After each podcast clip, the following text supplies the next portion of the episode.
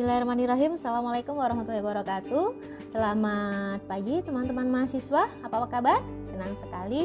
Uh, Hari ini saya Ibu Novi bisa bertemu kembali dengan teman-teman di mata kuliah Pengembangan motorik dan bahasa anak usia dini. Ya uh, sedikit kita mengulas minggu kemarin yang sudah kita pelajari tentang apa itu perkembangan fisik ya. E, jadi untuk perkembangan fisik ini berkaitan erat dengan perkembangan motorik anak. Nah, motorik ini merupakan perkembangan pengendalian gerak tubuh melalui kegiatan yang terkoordinir antara susunan saraf, otot, otak, dan spinal cord. Nah, perkembangan motorik itu meliputi motorik kasar dan juga motorik halus. Nah, sekarang uh, masih ingat nggak apa itu motorik kasar? Iya, motorik kasar, gerakan tubuh yang menggunakan otot-otot besar atau sebagian besar atau seluruh anggota tubuh yang dipengaruhi oleh kematangan anak itu sendiri. Contohnya apa kira-kira? Iya, kemampuan duduk, menendang, berlari, naik turun tangga dan sebagainya. Terus sekarang untuk motorik halus. Apa kira-kira? Ya, motorik halus adalah gerakan yang menggunakan otot-otot halus atau sebagian anggota tubuh tertentu yang dipengaruhi oleh kemampuan untuk belajar dan berlatih. Misalnya, apa? Iya, memindahkan benda dari tangan, terus juga mencoret-coret, menggunting, menulis dan sebagainya. Dan uh, saat ini kita masuk untuk memahami tentang apa sih e, keterampilan koordinasi gerakan motorik anak usia dini itu. Nah, keterampilan koordinasi gerakan motorik anak usia dini itu dibagi menjadi e, tiga ya. Yang pertama keterampilan lokomotorik, yang kedua keterampilan non lokomotorik, dan yang ketiga keterampilan manipulatif.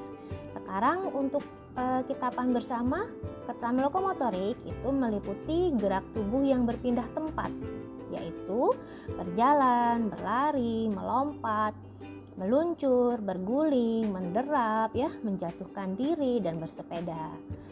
Keterampilan lokomotorik itu akan membantu mengembangkan kesadaran anak akan tubuhnya dalam ruang Nah, kesadaran ini disebut dengan kesadaran persepsi motorik yang meliputi kesadaran akan tubuh sendiri, waktu, hubungan ruang ya, spasial, konsep arah, visual, dan juga pendengaran.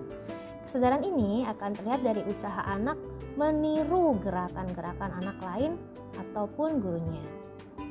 Yang kedua, keterampilan non lokomotorik yaitu menggerakkan anggota tubuh dengan posisi tubuh diam di tempat. Nah, apa nih kira-kira kalau kita bergerak tapi kita diam di tempat? Ya, betul. Misalnya mengangkat, bergoyang, merentang, memeluk, melengkung, membungkuk, mendorong.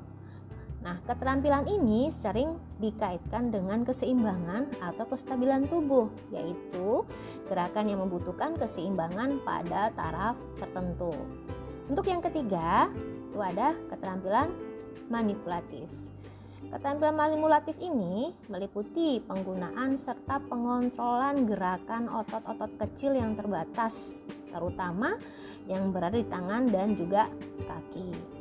Keterampilan gerakan manipulatif antara lain meregang, memeras, menari, menggenggam, memotong ya, meronce, membentuk, menggunting dan juga menulis.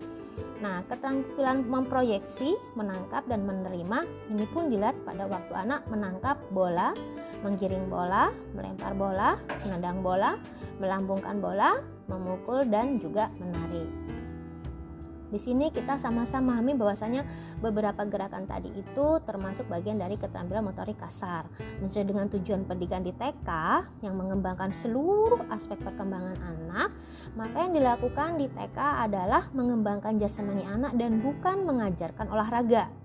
Pengembangan jasmani pada anak TK ini menitiberatkan pada latihan gerak yang sifatnya informal dan bebas. Sehingga anak bisa menguasai gerakan-gerakan dasar yang sifatnya informal dan bebas sehingga anak bisa e, menguasai gerakan-gerakan dasar yang diperlukan untuk pertumbuhan dan perkembangan diri anak lebih lanjut. Anak kita latih e, agar dia mampu menggunakan otot-ototnya dengan baik agar mereka lebih tangkas dalam gerakan-gerakannya. Oke, e, untuk pertemuan hari ini cukup sampai di sini dan pertemuan berikutnya kita akan masuk pada keterampilan gerakan motorik halus. Semoga teman-teman tetap semangat belajar dan sampai bertemu kembali di pertemuan kita yang berikutnya. Assalamualaikum warahmatullahi wabarakatuh.